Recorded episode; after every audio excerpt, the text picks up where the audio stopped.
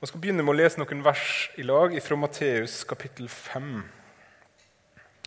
Salige er de som er fattige i ånden. Himmelriket er deres. Salige er de som sørger, de skal bli trøsta. Salige er de ydmyke, de skal arve jorda. Salige er de som hungrer og tørster etter rettferda, de skal bli metta. Særlig er de miskunnsame, de skal få miskunn. Særlig de reine i hjertet, de skal se Gud. Særlig de som skaper fred, de skal kalles Guds barn. Særlig de som blir forfulgt for rettferds skyld, himmelriket deres. Ja, særlig er dere når folk for min skyld spotter og forfølger dere, lyg og taler vondt om dere på alle vis.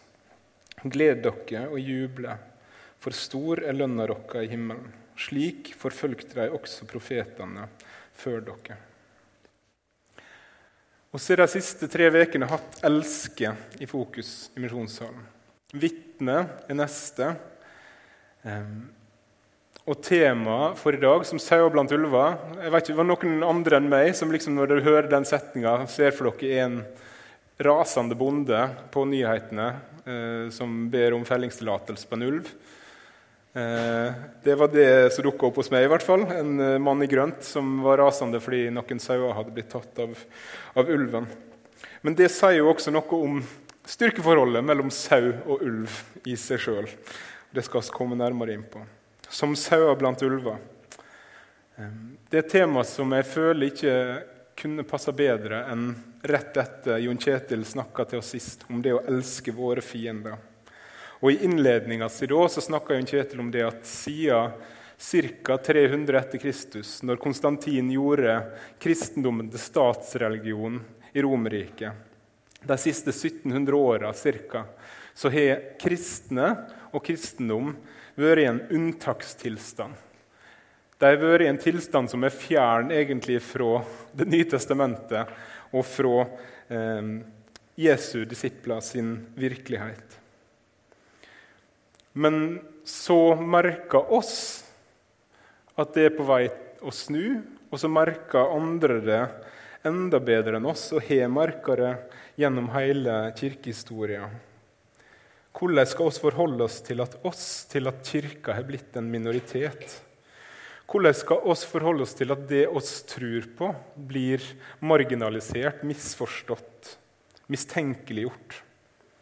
Det at oss blir sett på som rare eller dumme.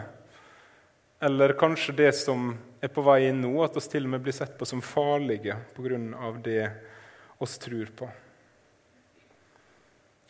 Oss opplever ikke forfølgelse i Norge. Når jeg bruker ordet forfølgelse, så vil jeg ikke kalle det oss kan møte her i Norge av motstand, for det. Det blir et for sterkt ord på den motstanden som oss bruker.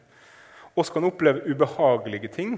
oss er i ferd med å komme dit at oss kan oppleve at det oss står for, faktisk får konsekvenser for mulighetene våre. Ehm, jeg har sjøl opplevd i år at eh, min skikkahet til å være lærer ble trukket i tvil pga. ting jeg har sagt i media offentlig, og som jeg står for, ikke på bakgrunn av det jeg har gjort i klasserommet.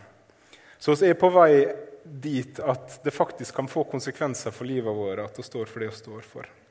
Men vi opplever ikke forfølgelse.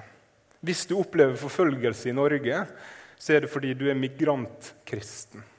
Og fordi det er noen med samme etnisitet som deg som er ute etter deg pga. at du er konvertert til kristendommen. Det er det eneste i Norge som opplever forfølgelse. Men forfølgelse og det å være under press det er faktisk det som Det nye testamentet legger fram som normaltilstanden til kristne og til kirka. Det å tilsynelatende tape. Det å tilsynelatende tape, det å være underdog, det å være sett ned på. Det å bli misforstått, undertrykt, holdt nede. Eller forsøkt holdt nede, i hvert fall. Det er normalen som Det nye testamentet viser oss. I de første hundreåra etter Det nye testamentet ble skrevet, var det også slik det var. Så er det viktig for oss å huske på at i deler av verden så har dette vært realiteten gjennom hele kirkehistoria. Det er ikke sånn at fram til år 300 så var alt drit, og så ett år 300 er alt vært fryd og gammen for kristne. Og så kan en jo også stille spørsmål ved hvor bra det har vært for kirka å være i maktposisjonen i det hele tatt. Men det er plasser i verden til enhver tid gjennom kirkehistorie de siste 2000 åra der forfølgelse, der det å oppleve at du blir fratatt rettigheter, det å oppleve at familie og venner ikke vil ha noe med deg å gjøre, ja, kanskje enda verre, at de vil sende deg i fengsel, kaste deg ut hjemmefra, drepe deg Det har vært normalen en eller annen plass gjennom hele kirkehistorien. Det er alltid våre plasser i verden der det å vitne om Jesus og det å tro på Jesus betyr nettopp det. Tap av rettigheter, sterk motstand, forfølgelse, fengsling, kanskje til og med tortur og død. Det verset, eller De versene som vi las i starten, det var slik Jesus starta sin bergpreike. Salige de fattige i ånden. Salige de som sørger Salige er de ydmyke, de som hungrer og tørster etter rettferdigheten. De er barmhjertige, de rene av hjerte, de som skaper fred, som blir forfulgt for rettferdighetens skyld. Disse salige som Jesus snakka om, når han starta denne talen sånn, så er disse salige en beskrivelse av altså De salige er innbyggerne av et nytt rike. Et himmelrike et Guds kongerike som Jesus etablerer, og der han er konge. Men de salige virker ikke spesielt sterke eller skeirende. Fattige i ånden, sørgende, ydmyke, hungrer og tørster etter rettferdighet osv. Svake og mjuke, tilsynelatende, underlegne, pressa, tapende. Og så er det som om Jesus vil understreke det når han går fra å snakke om deg til å snakke om dere. At her er, her er realiteten som dere kommer til å møte når dere følger meg, når dere tror på meg. Dette er realiteten som dere kommer til å møte. I de siste saligprisningene går han fra å snakke om 'salige er deg' til å si 'ja, salige er dere', når de for min skyld håner og forfølger dere lyg og snakker vondt om dere på alle vis. Gled og fryd dere, for store er deres lønn i himmelen. Slik forfulgte de også profetene før dere. Det er akkurat som at du kan se det for deg at Jesus har snakka litt sånn ut i lufta, men nå prikker han det inn, nå ser han deg inn i øynene og sier dere. Gled dere når de håner og forfølger dere, for det kommer de til å gjøre. De kommer til å snakke stygt om dere, lyge om dere. Det er ikke spesielt gøy, det Jesus beskriver her. Og de er ikke spesielt sterke, de Jesus beskriver her. Men alle saligprisningene er knytta opp til løftet. Svolt og tørst etter rettferdighet skal mettes. Løftet om trøst til de som sørger. Evig liv, heim i himmelen, seier til slutt. Det som ser tapende ut i verden sine øyne, er seirende. Og Jesus, kongen, han leder sitt kongerike et eksempel. Kongen som vant ved å tape. Kongen som vant ved å dø. Disiplene hans, de som var de første som spredde evangeliet, slik at det til slutt nådde helt hit, helt til Norge. Skulle gjøre det samme. De også skulle vinne ved å tilsynelatende tape. I Matteus 10 så sier Jesus det som er tema for i dag. Se, jeg sender dere ut som sauer blant ulver. Vær kloke, eller listige, står det i en annen oversettelse. Vær kloke som slanger og uskyldige som duer. I løpet av de neste 40-50 åra etter at Jesus hadde sagt dette, skulle de fleste av de han sa det til, ha blitt drept fordi de trodde på ham. Rundt omkring i verden, i Etiopia, i Armenia, i Tyrkia, i Roma. Sauer blant ulver. Jeg vet ikke hvor ofte dere når dere leser Bibelen, stopper opp og faktisk tenke over okay, hva bildet er det som brukes her egentlig. Men la oss stoppe litt. Sauer og ulver. Hvem er farlig for hvem? Det er en grunn til at bøndene er rasende og vil felle ulv. Det er jo fordi sauen har ikke noe å forsvare seg med. Sauer er for det første dumme dyr. Dumme, dumme dyr. De kan springe, men de springer ikke spesielt fort. De er heller ikke spesielt utholdende. De, de springer dumt. De er, ikke, de er, ikke, noen eksperter på å unnslippe. De har ikke noe naturlig forsvar mot ulv eller mot jerv eller gaupe eller hva enn slags rovdyr det er du vil putte inn der. En røyskatt kan det hende de greier seg mot. Men sauer og ulver er ikke en fair fight. Det er ikke en fair fight Jesus sender ut sine disipler til. De kommer til å tape, tilsynelatende. Men slik sender Jesus dem ut som sauer til ulvene. De første kristne gjennom de første 200-300 åra kjenner nesten ikke til noe annet enn det å være under press. De kjenner nesten ikke til noe annet enn intens motstand fra alle kanter. Jødene som de første kristne sprang ut ifra, likte de ikke og forfulgte dem. Romere og grekere forsto de ikke og forfulgte dem. De ble stadig vekk misforstått og sett på som revolusjonære de ville jo ikke ofre til keiseren. De ville jo ikke brenne røkelse foran statuen av keiseren.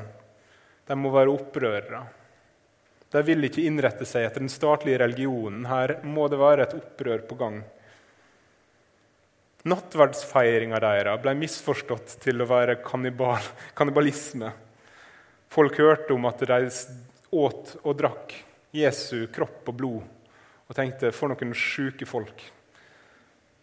Kanskje ikke så rart, egentlig, hvis det er all informasjonen du får. Tidvis var forfølgelsene intense og fra flere kanter samtidig. Rett før år 70 etter Kristus så blir omtrent samtidig Paulus og Peter drept i Roma av keiseren. Paulus blir halshugd, Peter blir korsfesta opp ned. Mens Jakob, Jesus sin bror, som var kirkeleder i Jerusalem, blir tatt med opp på tempelet og slengt utfor muren. Legenden sier at han ikke døde av fallet, så de måtte slå han med ei slegge etter han hadde dødd ned fra tempelmuren i tillegg. Jødene i Jerusalem dreper en av de mest sentrale lederne, en av søylene som Paulus omtaler som i et av sine brev. Og to av de andre søylene blir drept i Roma omtrent samtidig. Men så gikk ikke kirka tilbake, til tross for at disse sentrale lederne blir drept én etter én etter én. Så er det som skjer, at kristendommen sprer seg utover. Hvorfor blir de forfulgt? Antageligvis en del av det fordi de blir forstått på menneskelig vis. De kristne må jo være ute etter penger eller makt eller sex, sånn som alle andre. Men så er de ikke det. Det er en romersk guvernør der en kan få, fortsatt kan lese brevvekslinga mellom han og keiseren, der han har tatt en kristen til fange og torturert han, bare for å finne ut hva er dette kristengreiene for noe. Eh, de virker jo så skumle og ukjente. Og Etter å ha torturert inn kristne så skriver han til keiseren at jeg kan ikke skjønne at disse skal være noe farlige for noen. Nesten som en sau med andre ord. De kristne var kjent for sin kjærlighet til hverandre. Romere kalte dem dumsnille, lette å herse med. Og En tidlig kristen apologet skrev i et brev til en romersk landshøvding at de kristne ligner på sine naboer med tanke på språk og klesdrakt, men de er utlendinger i heimlandet sitt. De behandler heimlandet sitt som om de var utlendinger, fordi de har et annet heimland. De kristne er lovlydige borgere. Ja, de er bedre enn lovlydige men det er ikke alle lovene som de kan følge. De vil ikke tilbe andre guder, de vil tilbe Jesus. Når de blir fornærma, altså når folk lyver mot dem, når folk slenger drit til dem, så svarer de det med ære. Når de blir straffa, så svarer de med lovprisning. De elsker alle, men er også forfølgt av alle, skriver denne tidlige apologeten. Hvor kommer denne viljen til å ofre ifra? Hvor kommer dette vekstgrunnlaget for denne bevegelsen? Når på en måte hodet til trollet hvis en skal kalle det det, blir kappa av ett etter ett. Peter Johannes blir sendt i eksil. Alle de andre apostlene blir drept på forskjellige måter. Jakob blir kasta fra tempelmuren. Hvordan holder det seg oppe? Ja, hvordan vokser det midt i det? Jeg tror svaret på det spørsmålet ligger i det vi har vært gjennom de siste ukene. For to uker siden snakka jeg Ole Martin om å elske deg sjøl. Om å vite hvem du er. At du er Jesus sin, du er elska av han, du er Guds barn. Du er et menneske skapt i Guds bilde for å ligne han og for å ha samfunn med han, fellesskap med han. Og for ei uke siden, ut ifra det igjen, når du veit hvem du er, så kan du elske dine fiender, fordi de kan ikke definere deg, skal ikke definere deg. De veit ikke hvem de er. Det er de det er synd i.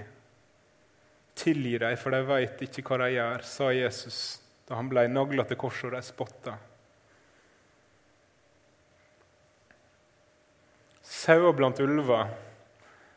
Hvorfor virka det så tannløst, men hvorfor vokste det samtidig så enormt? Jo, de hadde ikke behov for å ta opp våpen eller for å forsvare seg eller for å slå tilbake når noen slo dem ned. For de visste hvem de var, de visste hvor de hørte hjemme. De hadde et evighetsperspektiv på livet sitt, på tjenesten sin. Og de hadde Jesus som forbilde. Når en leser om oldkirka, så er det påfallende hvor ofte folk snakker om å ta del i Kristi lidelser. Når det er snakk om forfølgelse, når det er snakk om det å lide fordi de tror på Jesus, så føler de på en spesiell måte en delaktighet i Jesus og i hans lidelser. Så kirka den vokser til tross for tilsynelatende tilbakeslag. Og Kirkefader Tertulian han sier det slik.: Martyrene sitt blod er kirka sitt sæd. Vekstgrunnlaget skapes bl.a. nettopp av det at det er folk som er villige til å ofre alt for trua si. For de veit hvem de er, og de veit hvor de hører hjemme. Paulus skriver i Romerne 8. Jeg mener at det vi må lide i den tida som nå er, ikke kan regnes for noe mot den herligheten som en gang skal åpenbares og bli vår. Senere i kapittelet, hva skal vi si til dette? Gud for oss, hvem er da imot oss? Han som ikke sparte sin egen sønn, men ga han for oss alle, kan han gjøre noe annet enn å gi oss alt sammen med han? Hvem kan skille oss fra Kristi kjærlighet? Nød, angst, forfølgelse, sult, nakenhet, fare eller sverd, som det står skrevet, for de skulle drepes oss dagen lang, og regnes som slaktesauer. Men i alt dette vinner oss mer enn seier ved Han som elsker oss. For jeg er viss på at verken død eller liv, verken engler eller krefter, verken det som nå er eller det som kommer, eller noe makt, verken det som er i det høye eller i det dype, eller noen annen skapning, skal kunne skille oss fra Guds kjærlighet i Kristus Jesus, vår Herre. Dette er perspektivet. Lidelse her og nå er ingenting mot det som kommer av glede. Som Jesus sier i saligprisningene, himmelriket er dere. Dere skal trøstes, dere skal mettes, dere skal se Gud. I 2. Korinterbrev skriver Paulus noe som er en av mine favoritttekster. Her også snakker han om hvordan Hvordan deale oss med en verden som er fiendtlig mot oss? Hvordan deale oss med en verden som ikke vil kjøpe det oss selv? I det hele tatt. Jo, oss gir ikke mennesket noen grunn til å bli støtt bort så tjenester ikke skal bli spotta. De setter ikke hardt mot hardt. Nei, de svarer vondt med godt. Nei, i alt står oss fram som Guds tjenere. Med stor tålmodighet i motgang, nød og angst. Under slag, i fengsel og i opptøyer. I hardt arbeid, i nattevaking og i svolt. Med renhet og visdom går oss fram med tålmodighet og godhet i Den hellige ånd, med kjærlighet uten svik, med sannheta sitt ord og i Guds kraft, med rettferdsvåpen i høyre og venstre hånd. Om oss får ære eller vanære, om folk taler vondt eller vel om oss. De sier at oss fører folk vil, men oss taler sant. Oss er ukjent, men oss er velkjent. Oss er døende, men se oss leve. Oss blir slått, men ikke ihjelslått. Oss sørger, men er alltid glade. Oss er fattige, men gjør mange rike. Oss har ingenting, men eier alt. Oss har ingenting, men eier alt. Når du veit hvem du er, når du veit hvor du hører hjemme, så veit du i alle omstendigheter at du eier alt. Det å vitne om Jesus, det å vitne om Han som ligner på en måte himmelriket I en av sine lignelser så ligner han det med en åker. Der var en skatt. Og en mann finner denne skatten. Så går han og selger alt han eier, og så kjøper han denne åkeren. Fordi det er verdt det. Da eide han alt. Når du er en borger i himmelriket, når du er Jesus sin, da eier du alt. Så langt har jeg sett på apostlene og de første hundreåra. Men forfølgelse av ei lidende kirke har vært historien til kirka gjennom 2000 år. Også NLMs historie er ei historie der det ikke er fritt for blod. Det er lenge siden NLM hadde en martyrmisjonær, men det har skjedd. Kortere siden vil jeg tro det er at noen som våre misjonærer har vitna til og tatt imot Jesus, har blitt drept fordi de trodde evangeliet.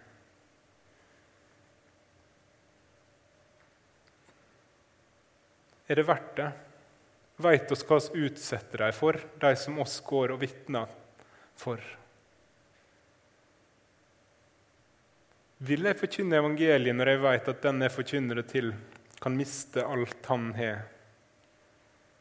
Hvis han hører på meg, hvis han tar imot det evangeliet som jeg går med. Det er et tilsynelatende vanskelig spørsmål. Når det kommer til stykket, så er det ikke så vanskelig likevel. For ja, 10, 20, 30, 40, 50 år fram så kunne det vært bedre for denne personen, sånn rent menneskelig sett, om han aldri hørte Jesu navn. Men hva da? Hva da? Har oss kanskje hatt det så godt og så trygt her i Norge at vi har glemt hvem vi er? At vi har glemt at vi ikke hører hjemme her? Kanskje røttene våre her i denne verden planta så djupt at vi ikke kan se for oss noe verre enn at noen blir støtt ut av heimen sin, eller mister jobben sin, eller blir kasta i fengsel, eller til og med dør. Jesus ønsker å hjelpe oss å sette det i perspektiv. Frykt ikke for de som bare kan drepe dere, sier Jesus. Frykt heller for Han som kan ødelegge både sjel og kropp i helvete. Det perspektivet Jesus er. Ikke som en skremsel, men det er frelse eller en fortapelse det er snakk om. De oss vitner for, visst kan det få konsekvenser. Det kan det få her i Norge også. Kanskje først og fremst negative sosiale konsekvenser. Kanskje kjenner dere på de negative sosiale konsekvensene allerede. At dere syns det er vanskelig å si høyt at dere er kristne på studiestedet eller i vennegjengen. Da vil jeg si vær frimodig. Du har ingenting å skamme deg over. Tvert imot så har du noe som alle disse andre trenger. De som du er redd for at skal støte deg ut av vennegjengen, de trenger det du har. De går ei evighet i møte, og de veit ikke hvem de er. De veit ikke hvor de hører hjemme. De har ikke noen som kaller dem hjem igjen. Kanskje kan det være deg. Fokuset i misjonen er i større og større grad på de minst nådde folkeslagene. Hvorfor er de minst nådde de minst nådde 2000 år etter at Jesus vandrer omkring på jorda? David Plett har et kort og greit svar på det til oss. Because they're hard. Fordi de er vanskelige å nå. De minst nådde er de minst nådde fordi det er vanskelig å nå dem. Noen av dem fordi de bor på de mest utilgjengelige plassene i verden. Det er rett og slett praktisk vanskelig å komme seg inn til dem. Men også fordi det å vitne hos dem kan være farlig. For et par år siden så var det en ung amerikansk kristen jeg husker ikke hvor i verden det var, men det var ei øy der det bodde en stamme som ikke hadde noen kontakt med omverdenen, og som var ganske hissig hvis det var båter eller fly som kom i nærheten. Da, da kom pilene fort eh, susende langs båtripa eller forbi flyet når det fløy lavt over. Men han her unge kristne mannen hadde fått for seg at de skal jeg vitne for og reiste inn mot denne øya og ble veldig fort drept av denne stammen. Han rakk ikke å bli kjent med noen eller være der en stund, men det var liksom, ved første møte så var han død. Og så var det mye snakk i både kristne og ikke-kristne medier i, etterkant av dette. For en, for en tomsing. For en idiot. Han visste jo at det her var risikofylt. Han burde i hvert fall vite det. Han burde være bedre forberedt. Han burde ikke mista mer i det hele tatt.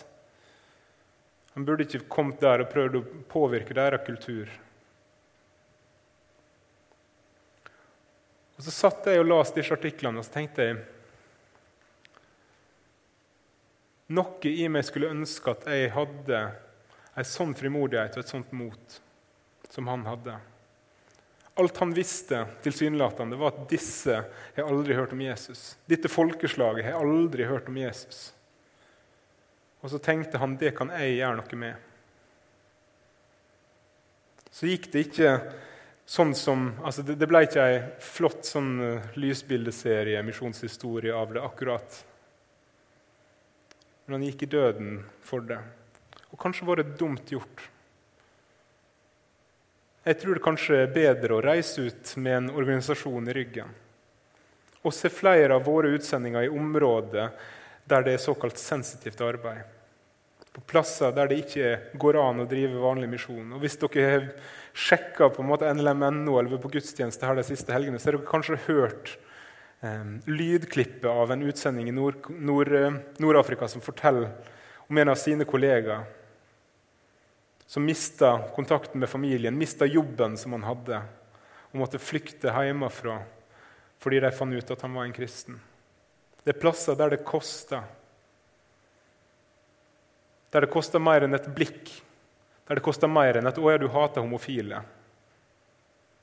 Der det faktisk koster, der du kjenner det på kroppen hvis du velger å følge Jesus.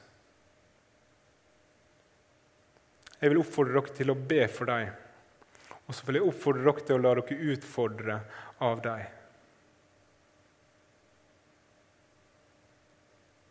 Utfordre til å tenke ok, hvor er det jeg skal vitne? For vitne, det skal du.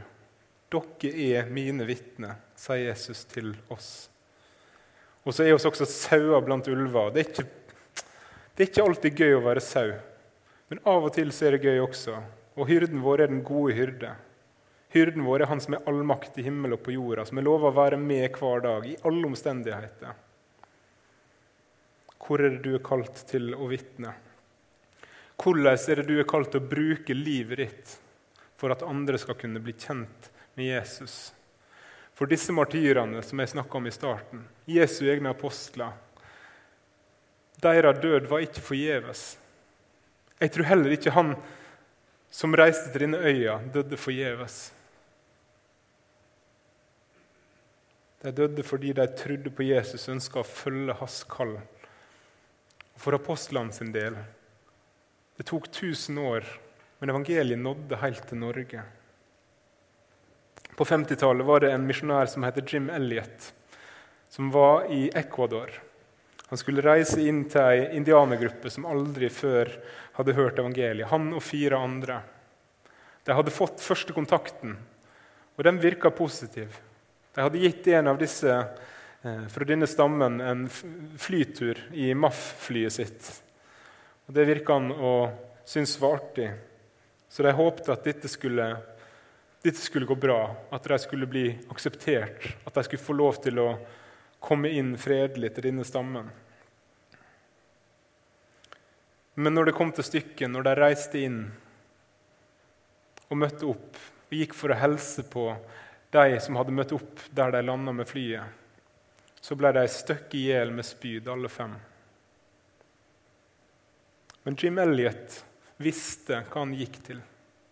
Han visste at det var en risiko forbundet med det han gjorde. Men han visste også hva Jesus hadde sagt. At den som mister livet for min skyld, skal berge det. Den som vil berge sitt liv, skal miste det. Og så skrev Elliot i dagboka si noen år før han døde He is no fool who gives what he cannot keep to gain death which he cannot lose. He is no fool who gives what he cannot keep to gain that which he cannot lose. Jeg kan ikke berge mitt liv. Jeg kan prøve å ete sunt og sånt, men jeg styrer ikke når jeg dør. Men jeg vet at jeg skal dø en dag.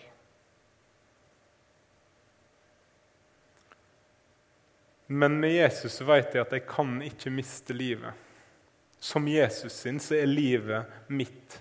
Det vønner for meg ved Jesus sin død og oppstandelse. Han er ikke en dumming, han som gir det han ikke kan beholde, for å få det han ikke kan miste. Livet ditt her og nå, et pust, beskriver Bibelen det som. Hva har du tenkt å bruke det pustet på? Hvordan forvalter du det pustet som du har blitt gitt her, før du skal dit du hører hjemme og ber? Kjære Jesus, takk for ditt ord til oss. Takk for alle de som har gått foran oss. Takk for alle de villige hender og føtter og munner og ører som gjorde det slik at oss sitter her i 2021 i trua på deg. Veit hvem du er, kjenner deg. Takk for de som var villige til å gå de første skrittene ut fra Jerusalem.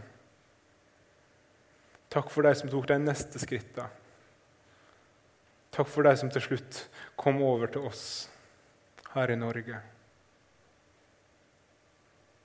Jeg ber må oss få lov til å være etterfølgere av deg. Må du gi oss frimodighet i motgang. Må du minne oss på at oss eier alt, om oss så har ingenting. Må du hjelpe oss nå når oss merker at oss er mer under press enn det oss har vært. Nå når det er enda mindre kult å være kristen enn det det har vært. Måtte det dra oss til deg. For det er deg oss trenger. Det er du som forteller oss hvem vi er. Det er du som har gitt oss et nytt heimland. Kom med ditt rike, Jesus. Amen.